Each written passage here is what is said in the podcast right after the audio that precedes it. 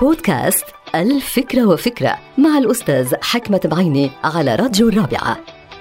نظرية الأوتار تقوم على فكرة مفادها أنه أصغر العناصر اللي بيقوم عليها عالمنا الكبير ليست هي عناصر الذرة فقط واللي اعتقد العديد من العلماء إنه عناصر الذرة هي الأصغر في العالم بمعنى آخر البروتون والنيوترون والالكترون مش هن فعلا الأصغر في تكوين المادة. فنظرية الأوتار تقول أن الأوتار هي الأصغر في تكوين المادة. وهالأوتار لا ترى بالعين المجردة ولا بغيرها. هي عبارة عن طاقة دائمة ومتحركة. وأهم ما فيها أنه هي غير منفصلة عن بعض البعض.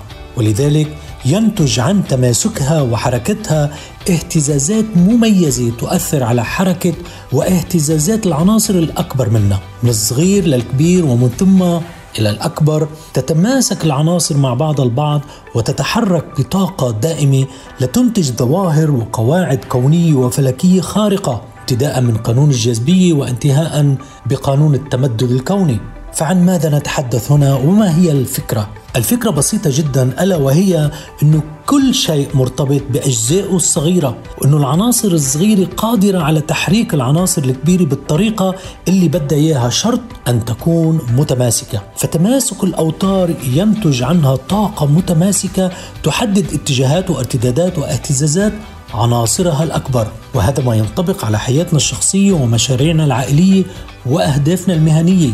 فإذا مثلا نجحت أنت في الحياة فذلك لأن العناصر الصغيرة التي تنتمي إليها أنت والتي ساهمت هي في تكوينك هي عناصر متماسكة بطاقتها وفعاليتها وأهدافها. نعم علينا أن نحرص دائما على تماسك التفاصيل الصغيرة التي تساهم في إنتاج أفكارنا وتحفظ لنا قوة أهدافنا وصلابة علاقاتنا العائلية والاجتماعية والمهنية.